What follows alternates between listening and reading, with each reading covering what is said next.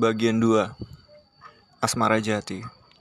Ciputat, Jakarta 2000 Dari balik jendela matahari mengucap salam pada aku dan menggelincir ke balik daun jambu.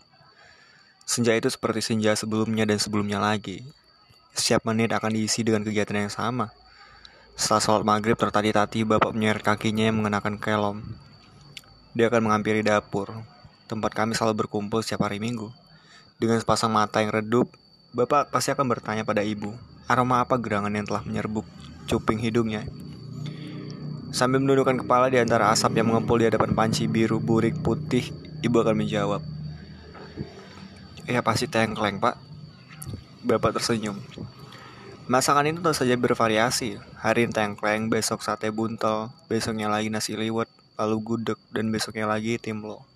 Semua makanan yang, bi yang biasa dimasak dan dinikmati ibu, bapak, laut, dan aku. Hari Minggu biasanya adalah hari kami memasak bersama dan makan malam sekeluarga. Tradisi ini tidak dihentikan hingga kini, meski aku sudah menyewa sebuah pavilion kecil di kawasan Cikini agar bisa dengan mudah mencapai rumah sakit. Ibu dan bapak akan saling mencicipi kuah tengkleng, memejamkan mata, mengangguk puas dengan rasa kuah santan itu pada lidah hingga pada akhirnya Bapak berjalan menuju lemari piring. Pada saat inilah aku selalu ingin menghambat Bapak dari keinginannya yang sia-sia itu. Dia pasti mengambil empat buah piring makan dan meletakkannya satu persatu di atas meja makan. Mbak Mar sudah pasti akan melirik pada aku tanpa berani menghalangi tingkah laku Bapak. Ia yang menutup kegelisahannya dengan membersihkan telanan kayu dengan sebilah jeruk nipis karena sudah digunakan untuk membacok giga kambing yang meninggalkan bau anyir. Sembari meletakkan sendok dan garpu di samping piring-piring itu, Bapak mencari-cari vinyl tua yang selalu mengingatkan kami pada Mas Laut. Dia mengambil jarum dan tepat meletakkannya pada garis lalu lagu kedua, Blackbird. Blackbird, singing the end of night, take this broken wing and learn to fly. Ketika nasi putih sudah mengebul, aroma tengkreng sudah mengisi udara acar bawang dan nanas asam agar segar direndam cuka sepanjang malam di dalam toples. Rempeyek kacang hijau sudah selesai digoreng dan letakkan bertumpuk di dalam kaleng besar. Kami duduk di hadapan piring masing-masing, menanti. Ibu, bapak, aku, dan satu kursi serta satu piring yang kosong. Satu piring yang juga menanti pemiliknya. Sementara menanti aku mengutak-ngatik piring. Sendok dan garpuku barangkali aku kurang kurang lurus selalu duduk dan diam, menanti dan menanti. All your life you were only waiting for the moment to raise. Hingga lagu Blackbird dari The Beatles itu selesai, Bapak akan berdiri mengulang letakkan jarum pada garis vinil yang sama. Bapak dan Ibu mengangguk-angguk mengikuti nada musik itu seolah mereka tengah menyambut kekandaku yang yang diharapkan tiba-tiba saja muncul. Karena yang ditunggu tak kunjung datang, ibu biasa memutuskan menuang nasi ke atas piring bapak. Piringku lalu piringnya sendiri. Kuat tengkleng mengalir merasuk nasi putih itu. Kami mulai mengunyah dan menanti, menanti biru laut dan barangkali saja tiba-tiba muncul di muka pintu atau siapa tahu dia iseng meloncat melalui jendela. Kakakku yang bertubuh tinggi, berbau matahari, berkeringat, dan lapar. Tetapi ini sudah Tahun kedua si kakak sulungku menghilang dan biru laut tak kunjung muncul di muka pintu.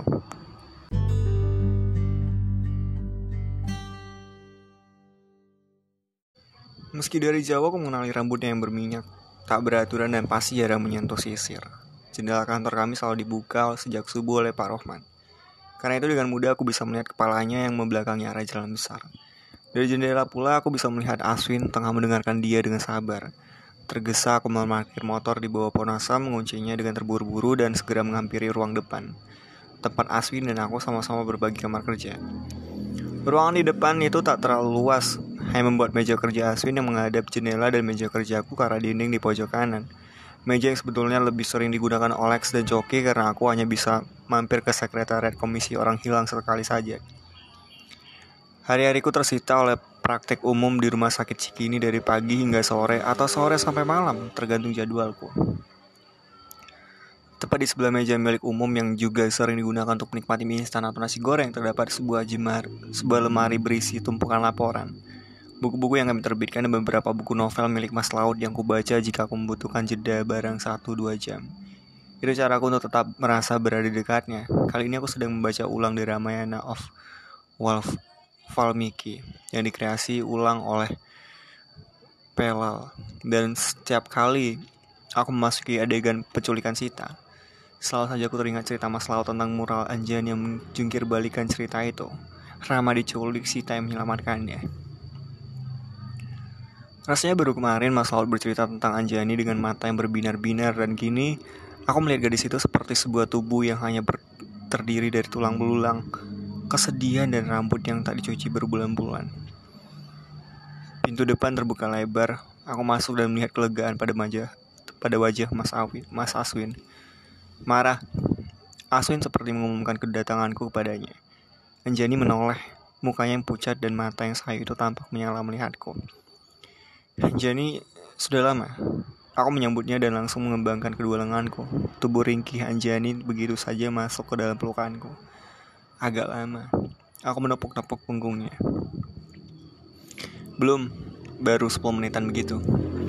Jawabnya masih memelukku seperti tak ingin melepas. Aku melirik Aswin yang berdiri di belakang Anjani dan dia menggeleng seraya mengacungkan telunjuknya. Dia sudah sejam di sini. Peran aku melepas pelukan dan menepuk pipinya yang sudah basah oleh air mata dan membimbingnya untuk duduk kembali. Sekilas aku bisa melihat sebuah sebuah map yang terbuka dengan dua helai foto yang berserakan di atas meja kerja Aswin. Sudah minum Jenny? Aku, terba aku berbahasa basi melihat cangkir kopinya yang sudah kosong, cangkir biru dengan alas piring berwarna putih. Tidak berpasangan. Pak Rohman pasti akan mengaku buta warna jika aku mempertanyakannya. Anjani mendengar sebuah kabar marah. Aku duduk di hadapannya dan membiarkan Aswin menggelinding pergi. Anjani kemudian mengambil foto-foto di atas map dan memperlihatkannya kepada aku. Semua itu sebetulnya memperlihatkan foto selai kain mori yang dibatik setengah jadi dan beberapa canting yang berserakan di, sekeliling jajan kecil dan anglo. Aku tak paham mengapa Anjani memberikan tiga buah foto kain batik setengah jadi itu kepada kami. Anjani memegang tanganku dengan erat, begitu eratnya dengan hingga nyaris mematahkan jari-jariku. Kenapa, Jan? Tanya aku menahan sakit. Sunu. Ini dari Bunda Sunu, Bu Arum. Dengan suara parau nyaris menangis, Anjani seperti berlomba dengan diri sendiri. Kalimat demi kalimat saling serobot keluar dari bibirnya hingga dia nyaris tak bisa bernapas.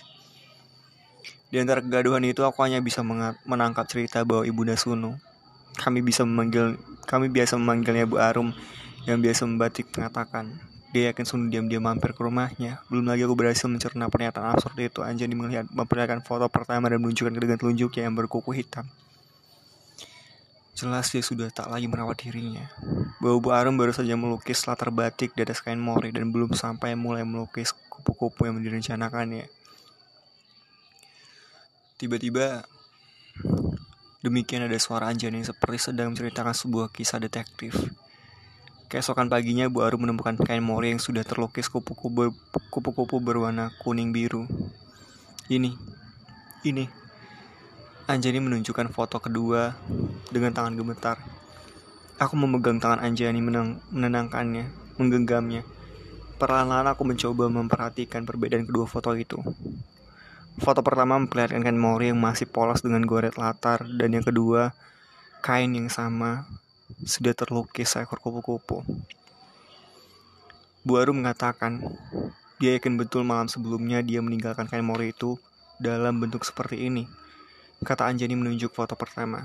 Keesokan harinya sudah ada kupu-kupu, artinya Sunu mampir ke rumah Mara.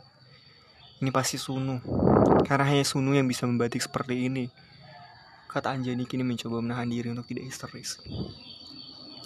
Aku memperhatikan foto itu satu persatu, lalu wajah Anjani yang kini sudah basah entah oleh air mata atau keringat. Tapi mata itu menunjukkan sesuatu yang membuatku jeri.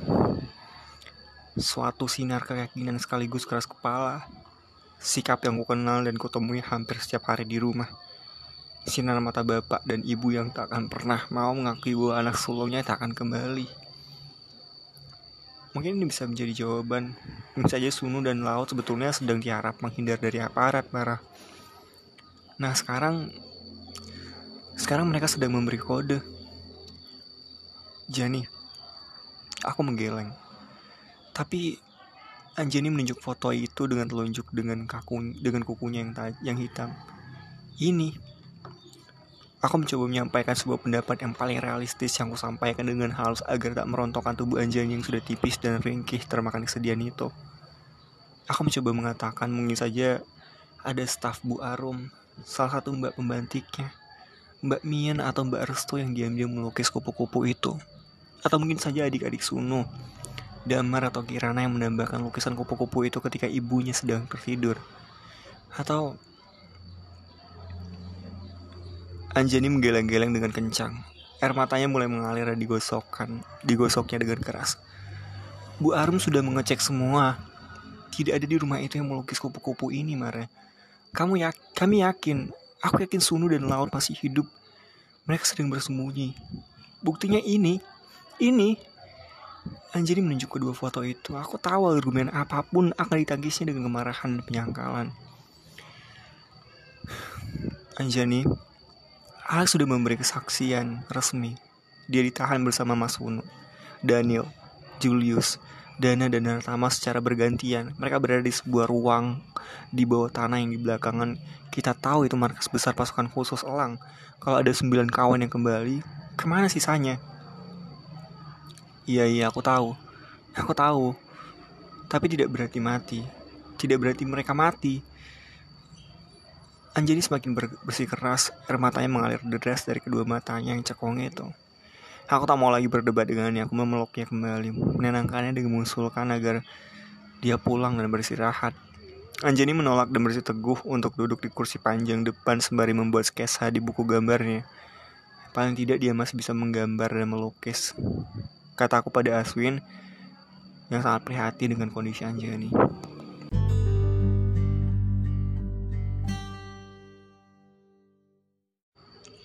Sudah lama aku hidup bersama suara, napas, dan air mata ini. Penyangkalan. Penyangkalan adalah satu cara untuk bertahan hidup. Menyangkal bahwa mereka diculik dan menyangkal kemungkinan besar bahwa mereka sudah dibunuh. Mereka.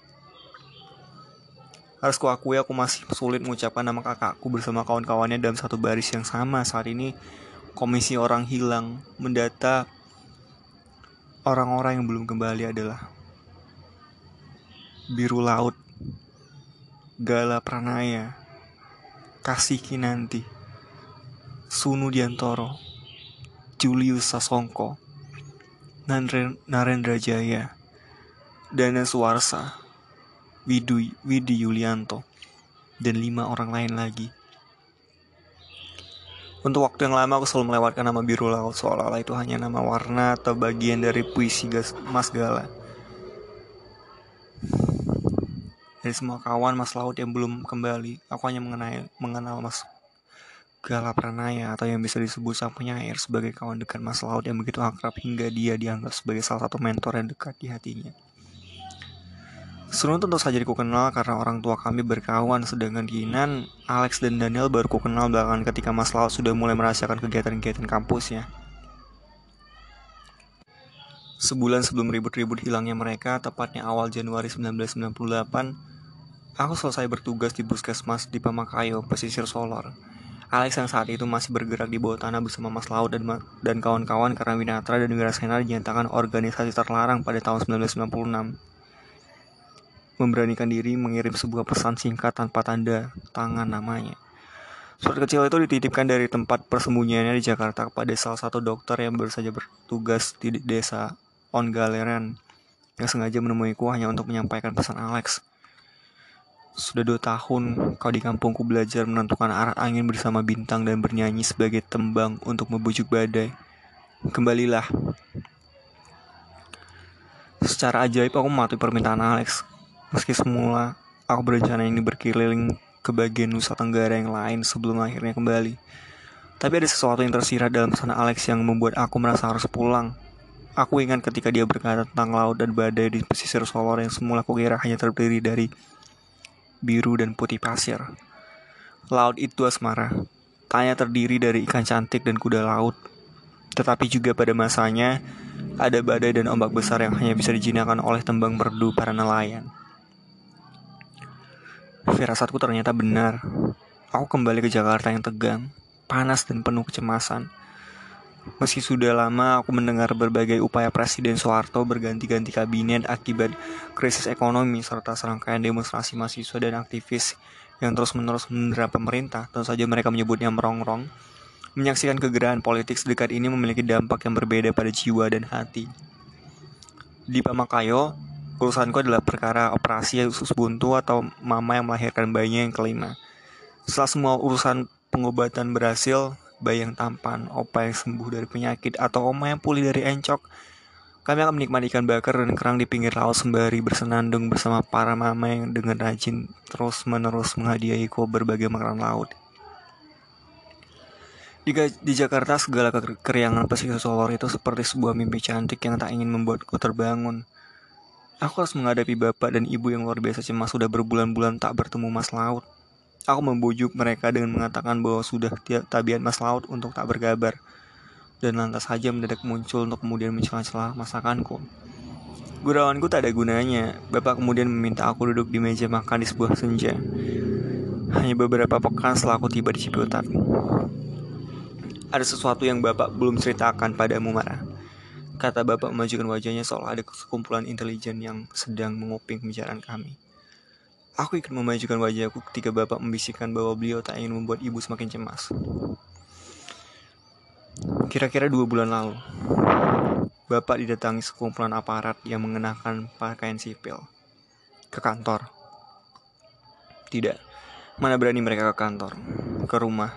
Bapak sudah menduga mereka intel. Mereka mengaku ditugaskan mencari laut dan kawan-kawannya karena semua anggota Winatra, organisasi yang dinyatakan dilarang gara-gara peristiwa Juli 1996. Aku melirik teras depan di mana ibu sedang mengatur beberapa tanaman supir gantung. Lalu bapak bilang apa? Mereka memaksa bapak menelpon. Lah, selama ini kan Mas Laut jarang sekali menelpon, terutama setelah peristiwa Juli 1996 itu. Akhirnya mereka memaksa bapak mengirim pesan ke pager, bapak lakukan.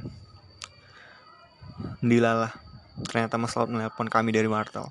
Lalu, aku mulai berdebar-debar. Ya semula bapak tanya, dia dari mana? Mas Laut hanya mengatakan tidak jauh dari bapak. Dengan segera, Mas Laut tahu betul bapak tidak sendirian dan dipaksa menghubungi dia. Bapak melanjutkan bahwa dia membujuk Mas Laut untuk pulang. Meski dalam hati bapak berseru agar jangan pulang. Aku berharap Mas Laut paham. Bapak seperti tengah ditodong. Meski mereka sama sekali tidak menggunakan senjata apa-apa. Kuliah selama bercerita, bapak semakin tua. Seluruh alis mata dan rambutnya berwarna putih betapa kekhawatiran akan nasib Mas Laut telah mengisap seluruh kebahagiaan di rumah ini. Aku memegang tangannya yang sudah mulai keriput, halus dan layu. Mas Laut sangat peka dan dia pasti tahu bapak tengah dipaksa. Situasi semakin tak menentu ketika Anjani menelponku dan menceritakan bahwa sudah lama Mas Gala dan Sunu tak terdengar beritanya. Setelah itu Narendra juga tak kelihatan. Meski mereka semua tengah bergerak di bawah tanah, mereka memiliki sistem mengirim kabar secara estafet dan lisan. Semua kawan-kawan yang sana di Winatra mulai gelisah. Mereka sudah pasti diculik. Tanda-tandanya bagaimana, Jen? Aku berupaya menekan kegelisahanku membayangkan nasib abangku dan nasib Alex. Aswin pertama dari LBH. Ya, aku mengenal nama itu dari media. Kenapa dia? Aswin bercerita ada mobil hitamnya secara bergantian melalui jalan di Ponorogo. Berhenti beberapa jam. Konon ada juga yang memotret dari dalam mobil dengan lensa besar. Kalau ada salah satu dari aktivis yang keluar dari kantor LBH pasti dia diikuti sampai Salemba. Paling tidak, itu yang terjadi pada Mas Sunu dan Narendra. Karena Mas Gala lebih banyak bergerak di pinggir Jakarta, Aswin juga mendapatkan informasi bahwa mereka mengincar Kinan. Kenapa kamu berbisik-bisik, Jan? Kamu di mana? Aku di kantor agensi Ademak. Ada order untuk iklan sabun. Tidak enak bicara beginian di kantor wangi ini. Why? Why? Why they are so fucking obvious with politics, Mara. That's why. Aku terdiam dan mencoba membayangkan suasana kantor iklan tempat Anjani bekerja paruh waktu. Bagaimana dengan Mas Lau dan Alex, juga Kinan. Sejauh ini setahu aku mereka aman. Masih berpindah-pindah nanti saja kalau kita bertemu dan akan kuceritakan. Anjani berbisik lagi. Kali ini mungkin dia tak berani berbicara panjang lebar tentang posisi Mas Laut. Melalui telepon genggam. Mereka di Jakarta. Anjani tidak menjawab. Nanti kita cari waktu untuk mengobrol marah. Pikiranku mulai kacau. Mas Gala, Narendra dan Sunu hilang jejak. Sementara Mas Laut dan kawan-kawannya nampaknya mencari persembunyian yang lebih aman lagi, mungkin di antara gorong-gorong Jakarta atau Yogyakarta atau entah di mana yang luput dari intayan intel. Tak tergambarkan bagaimana reaksi bapak dan ibu ketika Anjani mendapatkan kabar tentang Mas Laut yang menghilang pada ulang tahunku 13 Maret 1998. Aku bahkan tak bisa berbagi kesedihan dengan siapa pun ketika belakangan kami menyadari bahwa Alex dan Daniel tampaknya hilang pada hari yang sama. Menurut Anjani dan Aswin, mereka semua sudah melakukan tahapan pengecekan seperti yang dilakukan terhadap Sunu, Narendra, dan Mas Gala. Aswin dan tim relawan yang saat itu jumlahnya masih seadanya, melakukan pencarian jejak pada hari-hari sebelum mereka dinyatakan hilang secara paksa. Siapakah yang terakhir berhubungan dengan mereka? Surat pesan atau mungkin saja pager atau telepon. Meski kedua alat ini tidak disarankan pada masa kehidupan di bawah tanah dari kelompok manakah atau sering berkumpul dengan kelompok mana, apa yang pernah dinyatakan tertulis atau audio terhadap pemerintah di mana mereka terlihat terakhir di tempat umum? Dan yang paling penting adalah mengecek pada keluarga atau kawan terdekat. Akhirnya tiba saatnya Aswin per pertama. Merasa perlu duduk berbicara denganku dan orang tuaku melalui Anjani Aswin meminta bertemu dengan seluruh keluarga aku dengan segala mimpi buruk bapak dan ibu menjadi kenyataan Mas Laut, Alex dan Daniel diduga telah diambil secara paksa seperti juga yang terjadi pada Mas Funu, Narendra, Dana, Julius, dan Mas Gale sebelumnya menghilang satu persatu. Tak lama setelah itu, Abi Hamdan dan Choking sebetulnya bukan kelompok Winatra ikut ke Nagarup. Kinan dan Naratama bersama beberapa aktivis dari kelompok lain dan dari Jakarta adalah gelombang terakhir yang kena angkut. Itulah hari-hari terberat bagiku karena ibu dan bapak tak kunjung berhenti bertanya dan mencari dan mencari ke semua polsek dan polres seluruh Jakarta.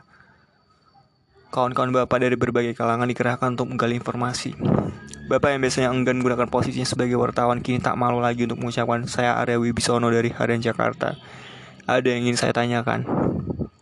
Dan yang paling berat bagi semua orang tua dan keluarga aktivis yang hilang adalah insomnia dan ketidakpastian. Kedua orang tak pernah lagi tidur dan sukar makan karena selalu menanti Mas Laut muncul di depan pintu akan lebih enak makan bersama. Pada saat itulah Asin mengajak aku bergabung dan ikut membangun komisi orang hilang. Utara Bayu, seorang kawan dan wartawan majalah Tera, mengatakan pada aku bahwa dia di, di negeri ini tak ada orang yang lebih baik, lebih tulus dan lebih peduli pada hak asasi manusia daripada Aswin. Pernyataan satu kalimat itu sudah cukup membuat aku bersedia duduk mendengarkan penjelasan Aswin bahwa sudah ada 16 lembaga dan tokoh menandatangani kesepakatan mendirikan komisi orang hilang. Kami membutuhkanmu. Kakakmu dan semua kawan-kawan mengalami desa Parasidos. Kata Aswin yang menekankan bahwa betapa mereka semua ingin Mas Laut dan kawan-kawan yang dinyatakan hilang dicari dan harus diketahui nasibnya. Desa Parasidos. Penghilangan orang secara paksa. Ingat para ibu di Argentina yang unjuk rasa di depan Plaza de Mayo. Jangan sampai ini sudah terjadi terus-menerus. Tiba-tiba kerongkonganku tersendat. Sudahkah kita mencapai tahap itu? Ketika keluarga, ibu, bapak, kakak, adik, suami, istri, atau kekasih berkumpul juga rasa menuntut para pemimpin untuk memperhatikan dan melakukan investigasi apa yang terjadi dengan anak mereka yang hilang. Aku bukan ahli hukum loh bang. Aku mencoba menekan rasa sedihku. Kami tak memerlukan puluhan ahli hukum untuk membangun komisi ini. Kami membutuhkan keluarga, kawan dekat dan relawan yang bisa ikut memberikan informasi tentang mereka yang hilang. Tapi selain itu aku ingat Laut sering bercerita bagaimana efisien, sigap, dan dinginnya engkau dalam menghadapi suasana paling kritis sekalipun. Aku terdiam. Tentu saja emosiku sudah terbiasa babak belur dibanting-banting selama menjadi koas. Menjaga jarak dengan pasien dan menekan emosi adalah salah satu persyarat bagi kami agar bisa konsultasi dengan merawat dan mengobati. Aku teringat bagaimana Profesor Susiana Wiliardi menunjuk jari-jariku yang menurut dia dingin, aman dan menenangkan. Kamu residensi di bedah. Katanya dengan suara berat. Sedikit acuh tak acuh tapi penuh keyakinan. Bagi kami pada dokter muda, kalimat seperti itu merupakan sebuah anugerah. Tapi aku menghadapi kenyataan lain yang tak bisa diselesaikan dengan bedah operasi belaka. Kakakku dan kawan-kawannya hilang, dihilangkan secara paksa. Aku teringat kedem bapak dan ibu yang sukar bergerak dan berfungsi seperti orang tua yang ku kenal. Mereka mengisi hari-hari dengan terus-menerus mencari laut dan setiap malam tetap menganggap laut akan mendadak muncul di depan pintu di rumah kami. Belum lagi para orang tua lain seperti Ayah Kinan atau Ibu Sunu atau istri Mas Gala yang saling berkunjung atau bertelepon membicarakan barangkali saja ada kabar terbaru dari anak atau pasangan mereka.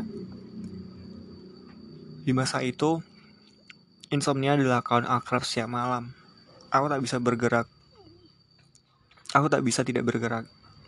Akhirnya aku memutuskan membatalkan rencana aku untuk mengambil residensi bedah pada tahun itu. Jika aku ingin mencari jejak masa laut, aku harus realistis dengan praktik sebagai dokter umum di rumah sakit Cikini untuk sementara.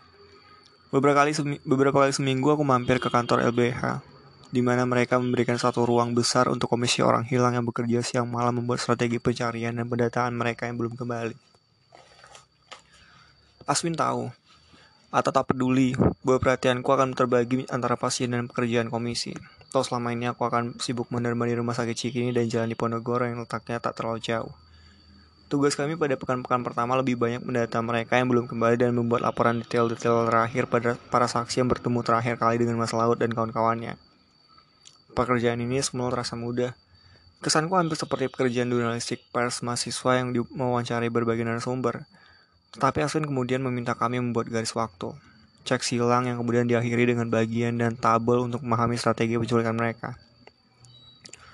Meski seolah kami hanya mewawancari dan mengumpulkan data, ternyata pekerjaan itu lebih menggerogoti malam-malamku. Jauh lebih mudah juga malam jauh lebih mudah jaga malam mengurus pendarahan orang ibu hamil atau luka kecelakaan mobil daripada menghadapi sesuatu yang tak jelas diagnosanya.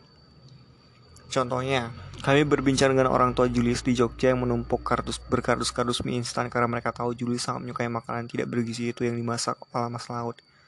Kaldu ayam asli, bawang putih, dan sambal rawit.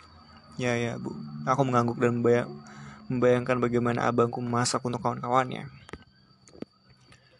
Kami juga bertemu dengan Pak Ade Julius yang menetap di Tanah Kusir, Jakarta dan menceritakan orang tua Julius setiap malam menelponnya barangkali dia sudah mendengar kabar terlebih dahulu. Atau orang tua Daniel yang sudah bercerai saling menyalahkan di, di hadapan kami, hingga akhirnya kami memutuskan untuk tidak melanjutkan perbincangan.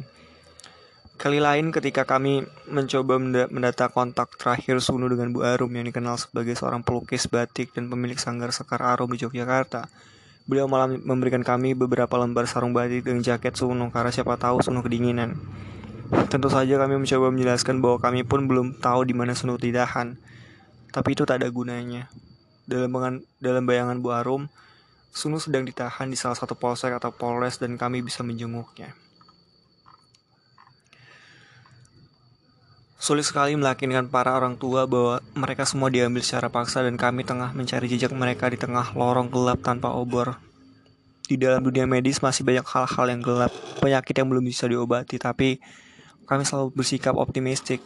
Karena kerenakan kami, para peneliti terus-menerus bergulat mencari obatnya. Harapan itu tetap terjaga karena ada keinginan, kerja keras dan ilmu yang terus-menerus diuji. Sedangkan apa yang kuhadapi sekarang adalah sesuatu yang asing, tak pasti, terus-menerus menggerogor rasa optimisme dan kemanusiaan.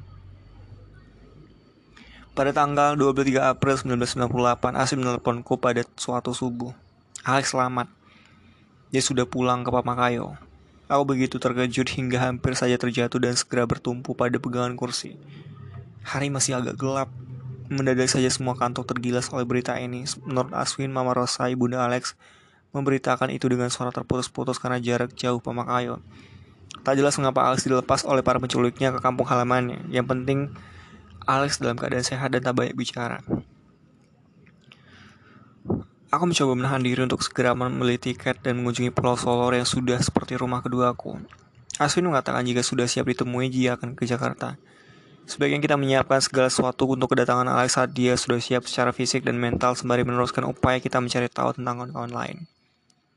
Hai beberapa hari sesudah kembalinya Alex, kami mendengar dari Tante Marta, Ibunda Daniel, bahwa dia juga sudah pulang ke rumah orang tuanya di Bogor.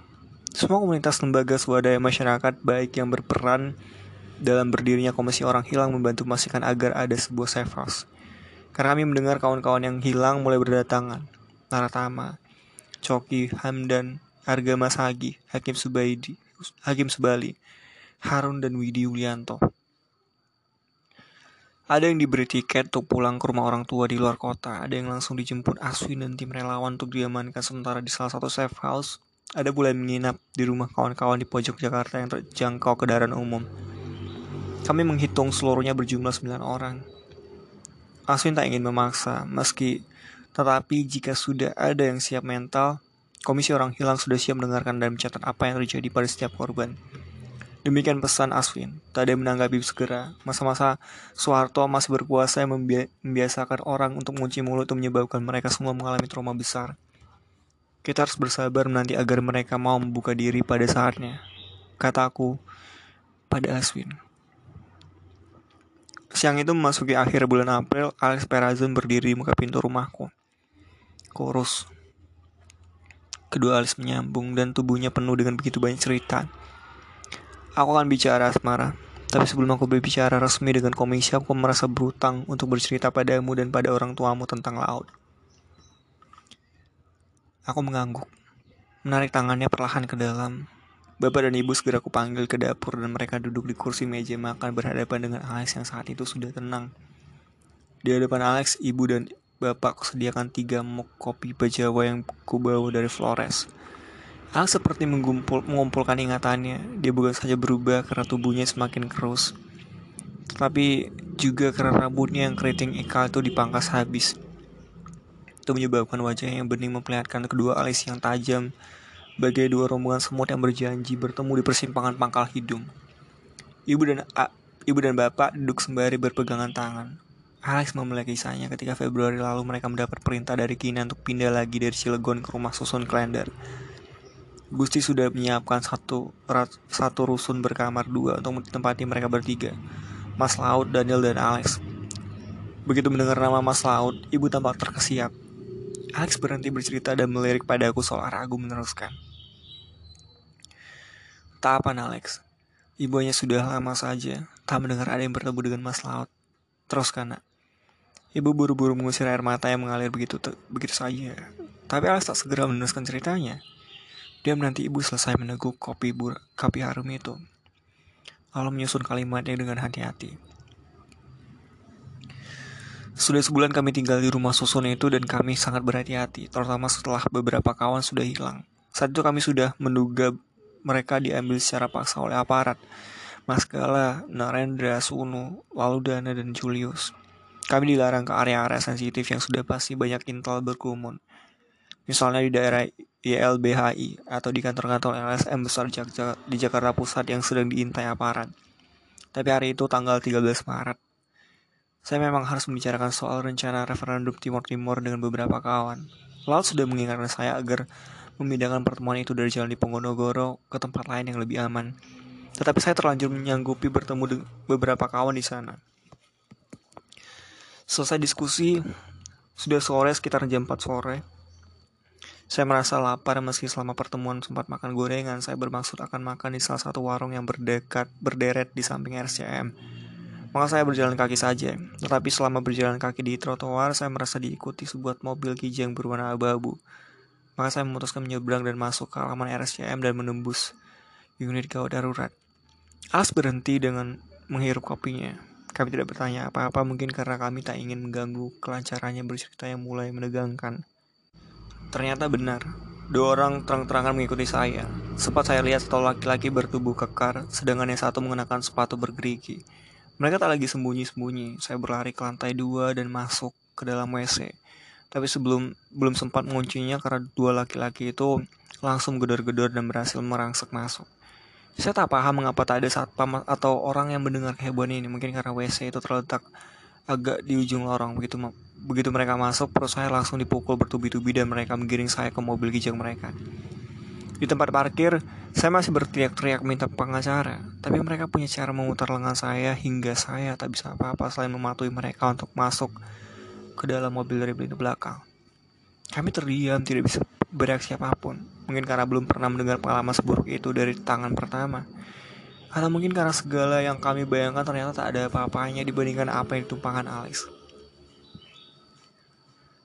Di dalam mobil setelah yang satu duduk di depan memegang setir. Si kekar yang tadi menonjok perut saya menyuruhku duduk di lantai mobil yang memang leluasa. Tangan saya diborgol ke belakang dan mata saya ditutup dengan selai kain hitam. Ketika mobil jalankan, si kekar mengatakan bahwa mereka sudah lama mengintai saya. Lau dan Daniel. Sudah jelas mereka tidak salah tangkap dan mereka semua ingin tahu di mana Kinan berada.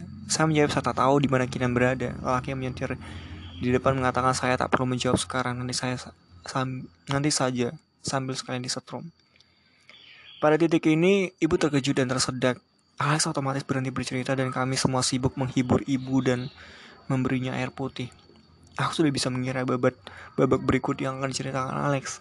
Rasanya tak mungkin Alex bisa bertutur dengan rinci bagaimana mereka bertiga disiksa. Bu, sebaiknya ibu bertanya saja apa yang ibu ingin ketahui. Aku mencari jalan keluar agar kedua orang tuaku tetap sehat sejiwa dan raga daripada mendengarkan anak lanangnya diinjak-injak menjadi bubur. Ndak, ndak. Ibu mau tahu. Terus karena apa anak Alex bertemu dengan Mas Laut dan Daniel? Alex menceritakan bagaimana dia merasa masuk ke dalam sebuah ruangan besar yang sangat dingin. Dia mendengar suara Mas Laut dan Daniel yang tengah diintegrasi. Kami disiksa berhari-hari di ruangan tersebut. Sesekali kami tidur dengan tangan terikat di ujung velvet untuk kemudian dibangunkan dengan seember air es dan integrasi dimulai lagi. Kata Alex yang terlihat ingin meringkas saja bagian yang paling mengerikan itu. Tapi ibu memaksa ingin tahu siksaan macam apa saja yang mereka lakukan terhadap ketiganya. Alex memandangku lalu memandang bapak soal minta saran. Akhirnya dia tetap meringkas seluruh kekejian itu menjadi satu kalimat. Macam-macam bu, dipukuli, disundut, disetrum dengan tongkat listrik. Ada juga adalah setrum lain yang bentuknya seperti papan yang ditempelkan ke paha. Lantas pernah juga tubuh kami digantung berbalik, terbalik seperti cara oma saya di kampung menjemur ikan. Pernah juga saya diletakkan di atas balok es direndam ke dalam bak di Tiba-tiba saja terdengar raungan ibu. Dia menangis dan menyebut-nyebut nama Mas Laut. Bapak berdiri dan membimbing, membimbing ibu ke kamar. Hanya sampai serba salah dan aku meyakinkan dia bahwa itu bukan salah dia. Bahwa dia harus tetap meneruskan ceritanya agar kami tahu kabar Mas Laut selama ini. Hanya beberapa menit, Bapak keluar kamar tertati-tati sendirian. Ibu istirahat dulu. Biar Alex cerita pada bapak dan marah saja. Nanti kami ceritakan kembali versi ringkas pada ibu. Alex mencoba menenangkan diri dulu dan mengaku bahwa dia juga tak bisa menceritakan kisah yang rinci pada ibunya. Setelah mendengar versi ringkas pun, hampir saja Alex tak diizinkan kembali ke Jakarta karena orang-orang desa, sedesa khawatir Alex akan kembali dianiaya oleh orang-orang Jakarta. Saya harus meyakinkan semua keluarga bahwa kehadiran saya sangat penting agar kawan-kawan tahu jejak terakhir mereka yang sampai saat ini belum kembali katanya dengan parau. Aku menggenggam tangan Alex agar dia mau meneruskan ceritanya. Alex kemudian melanjutkan kisahnya bagaimana ketiganya dipindahkan ke sebuah ruang bawah tanah di mana terdapat kerangkeng yang seperti kandang singa. Namun kiri kanan kami tertutup dengan tembok tipis sehingga kami bisa berkomunikasi meski harus agak berteriak. Saat menceritakan episode ini, Alex agak tenang karena, karena frekuensi penyiksaannya sudah turun. Di sanalah menurut Alex dia baru saja berbincang dengan Mas Laut, Daniel Julius, dan Dana dengan kondisi tak berhadapan. Mereka saling menyahut tanpa bisa melihat lawan bicara, tapi suara mereka cukup jelas karena tiap kerangkeng tempat mereka dikurung berupa terali besi. Alex mengaku meski ruang bawah tanah itu tak berjendela dan gelap, dia merasa lebih aman karena mereka di satu ruangan yang sama dan para penyiksa itu sesekali memanggil para tanah satu persatu ke atas untuk kembali diintegrasi dan disiksa. Alex yang ditahan selama satu setengah bulan hanya dipanggil lima kali ke ruang integrasi. Intro.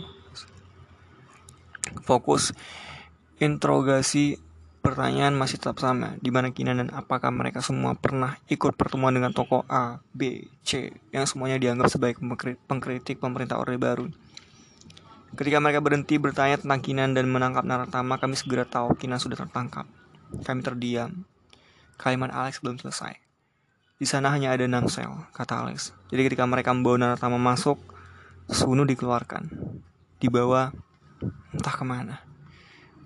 Bapak terlihat menahan napas, air matanya mengalir begitu saja ke atas, ke atas pipinya yang sudah terliput. Sunu sudah seperti keponakan Bapak. Untuk beberapa saat, Alex tidak meneruskan ceritanya. Bapak kemudian mengelap air mata dan ingusnya dan menguatkan dirinya. Bagaimana?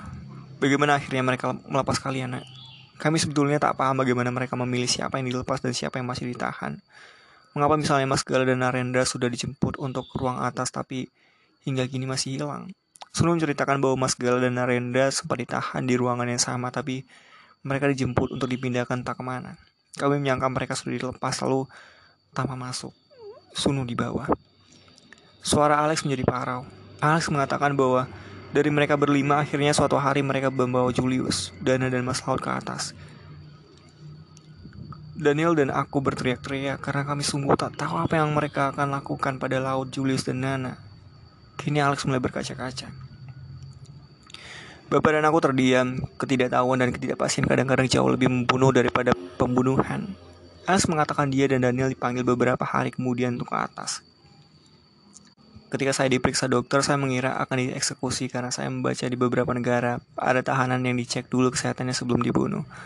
Alex menjelaskan dengan suara semakin parau sembari diperiksa dokter menurut Alex salah satu surat penyiksaannya menanyakan ukuran celana dan sepatunya. Saya baru tahu belakangan rupanya mereka membelikan baju baru karena baju lama saya entah ke mana. Mungkin mereka buang. Setelah itu ada tiga orang yang secara bergantian menyampaikan bahwa mereka akan melepas saya. Saya terkejut. Saya menyangka semua kawan yang dijemput dari sel sudah dibebaskan. Saya diberi ceramah bahwa ini semua dilakukan demi keamanan negara karena mereka menganggap ada indikasi presiden hendak ditumbangkan. Karena mereka mengatakan jika saya berani mengadu pada pihak luar negeri atau wartawan, mereka akan membunuh saya. Alex berhenti sejenak melepas tangannya dari genggamanku. Jari-jarinya yang mendadak gemetar menyentuh mug yang berisi kopi yang sudah dingin dan dia menghirupnya. Aku menawarkan apakah mau kopi baru dan yang panas dan dia menggeleng sambil mengucapkan terima kasih. Mereka mengatakan akan memberi saya tiket pesawat pulang ke Flores. Dengan rinci mereka mengatakan bahwa di pesawat saya akan duduk bersebelahan dengan seorang bapak tua berbaju biru. Di belakang saya akan ada sepasang suami istri paruh baya. Sang istri menggunakan rok jingga dan blus putih, sedangkan si suami mengenakan kemeja batik dan pantolan hitam. Mereka semua adalah orang-orang yang akan mengawasi saya dan kalau saya berbuat aneh-aneh mereka akan segera membunuh saya. Benarkah? Benarkah ada orang yang yang dideskripsikan seperti itu di atas pesawat? Tanya aku menahan napas. As memandangku dan mengangguk, persis sama seperti yang dideskripsikan. Saya bahkan tak berani makan dan minum yang disediakan di pesawat. Saat itu saya hanya ingin hidup dan bertemu orang tua dan kawan-kawan saya. Bapak mengangguk-angguk paham. Air matanya mengalir deras. Pasti dia membayangkan ke mana Mas Lau dan kawan-kawannya dibawa setelah diambil dari tahanan bawah tanah itu. Kami terdiam cukup lama dengan pilihan masing-masing, sementara Bapak mencoba menenangkan dirinya.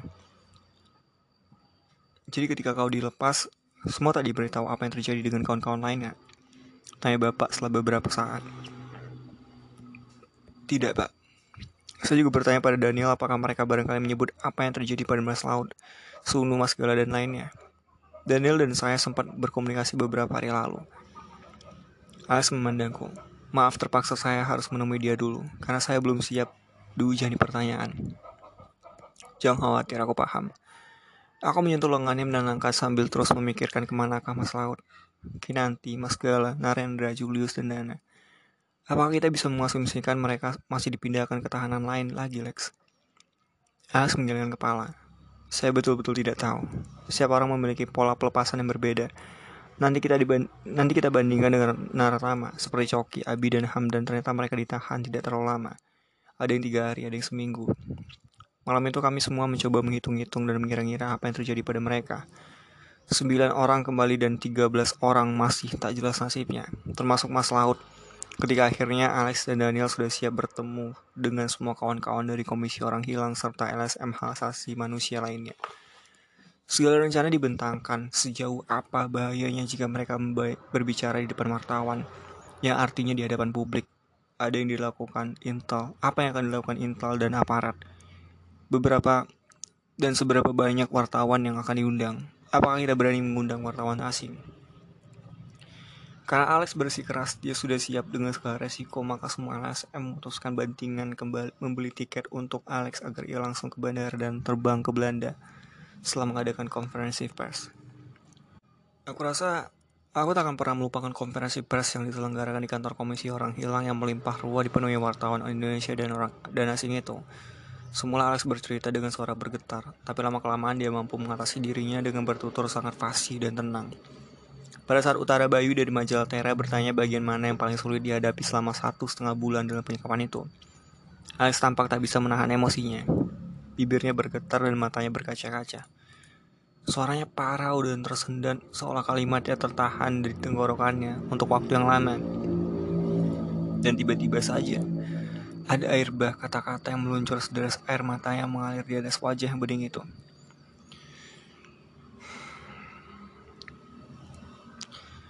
Yang paling sulit adalah menghadapi ketidakpastian. Kami tidak merasa pasti tentang lokasi kami. Kami tak kami tak merasa pasti apakah kami akan bisa bertemu dengan orang tua, kawan dan keluarga kami, juga matahari. Kami tak pasti apakah kami akan dilepas atau dibunuh. Dan kami tidak tahu secara pasti apa yang sebetulnya mereka inginkan selain meneror dan membuat jiwa kami hancur. Seluruh ruangan sunyi seketika. Apalagi air mata Alex berlinangan yang segera dia usap dengan kasar setengah marah.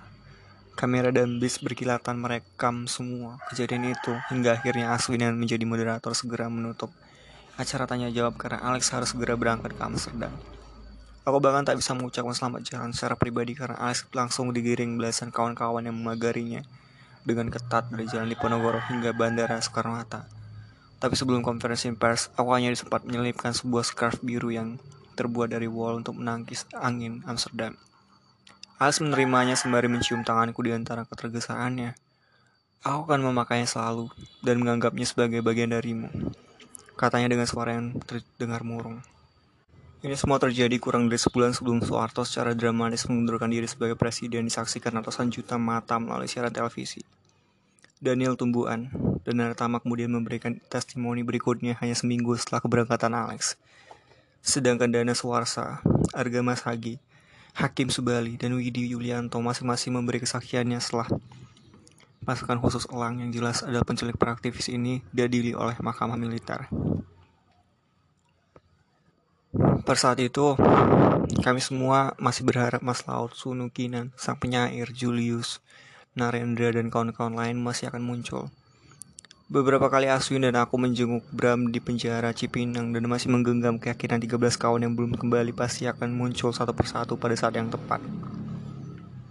Tetapi hingga tanggal hingga Presiden Soeharto akhirnya mundur dari jabatannya pada 21 Mei, tak ada tanda apa-apa dari mereka yang hilang. Sementara publik terlanjur terpana oleh peristiwa mundurnya orang terkuat di negeri ini. Maka kasus hilangnya 13 aktivis mulai tersingkir dari perhatian. Setiap hari, setiap pekan, setiap bulan para orang tua bertemu entah di rumah orang tua aku di Ciputat atau di rumah Pak Julius atau di kantor Pol Komisi Orang Hilang di Jogja. Ibu Sunu juga dengan rutin melakukan pertemuan dengan orang tua Kinan dan orang tua Julius. Seminggu sekali mereka pasti menelpon Aswin, aku atau para orang tua lain dengan untuk mencari tahu kabar terbaru. Semua mencoba saling membandingkan informasi terbaru membawa orang pintar yang koran menerawang bahwa Mas Gala dan Mas Sunu kini berada di Surabaya atau segera mencurahkan rasa pedih, amarah, dan frustasi. Hingga bulan September setelah Komisi Orang Hilang menyelenggarakan tenda keprihatinan di mana Gus Dur, orang yang sangat aku hormati, hadir. Akhirnya Aswin dan kawan-kawan dari LSM lain memutuskan untuk mengkukuhkan seluruh keluarga menjadi bagian dari organisasi Komisi Orang Hilang agar pencarian para aktivis tak dilupakan pemerintah. Bapak bahkan menjadi wakil dari orang tua yang pergi ikut pertemuan di kantor PBB di Jenewa bersama Aswin dan Alex untuk saling bertemu dengan organisasi penghilangan paksa dari negara lainnya seperti Filipina dan negara-negara Amerika Latin.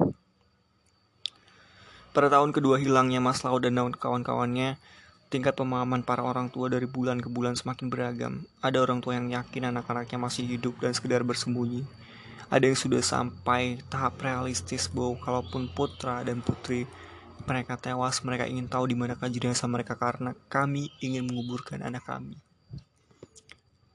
Orang tua aku termasuk dalam golongan pertama. Problem yang aku hadapi di rumah tak bisa tidak menemukan hati, menemukan hati. Ibu dan bapak sudah terjebak selamanya dalam bentuk keluarga yang dikenalnya, di mana biru laut adalah anak sulung dan aku adalah anak bungsu. Mereka tak akan pernah bisa menerima kenyataan bahwa Mas Laut hilang, diculik, atau mungkin dia, dia sudah tewas dibunuh. Ibu dan bapak percaya suatu hari biru laut tiba-tiba muncul di depan pintu rumah dan bergumam dia lapar dan mungkin akan bermain tebak bumbu dengan ibu sambil memejamkan matanya. Hingga kini ibu dan bapak masih tak membolehkan siapa pun mengganggu dan menyentuh kamar Mas Laut kecuali jika ingin membantu mereka membersihkannya.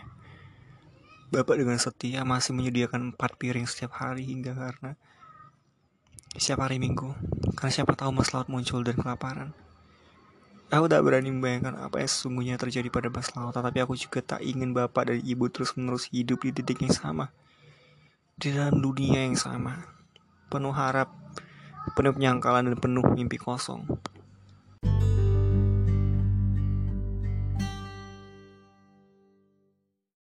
Ketika akhirnya Anjani permisi untuk pulang, Aswin menutup teleponnya dan menghampiriku. Aku akan mengirim kamu, Coki, dan Alex ke Pulau Seribu. Pulau Seribu? Untuk apa?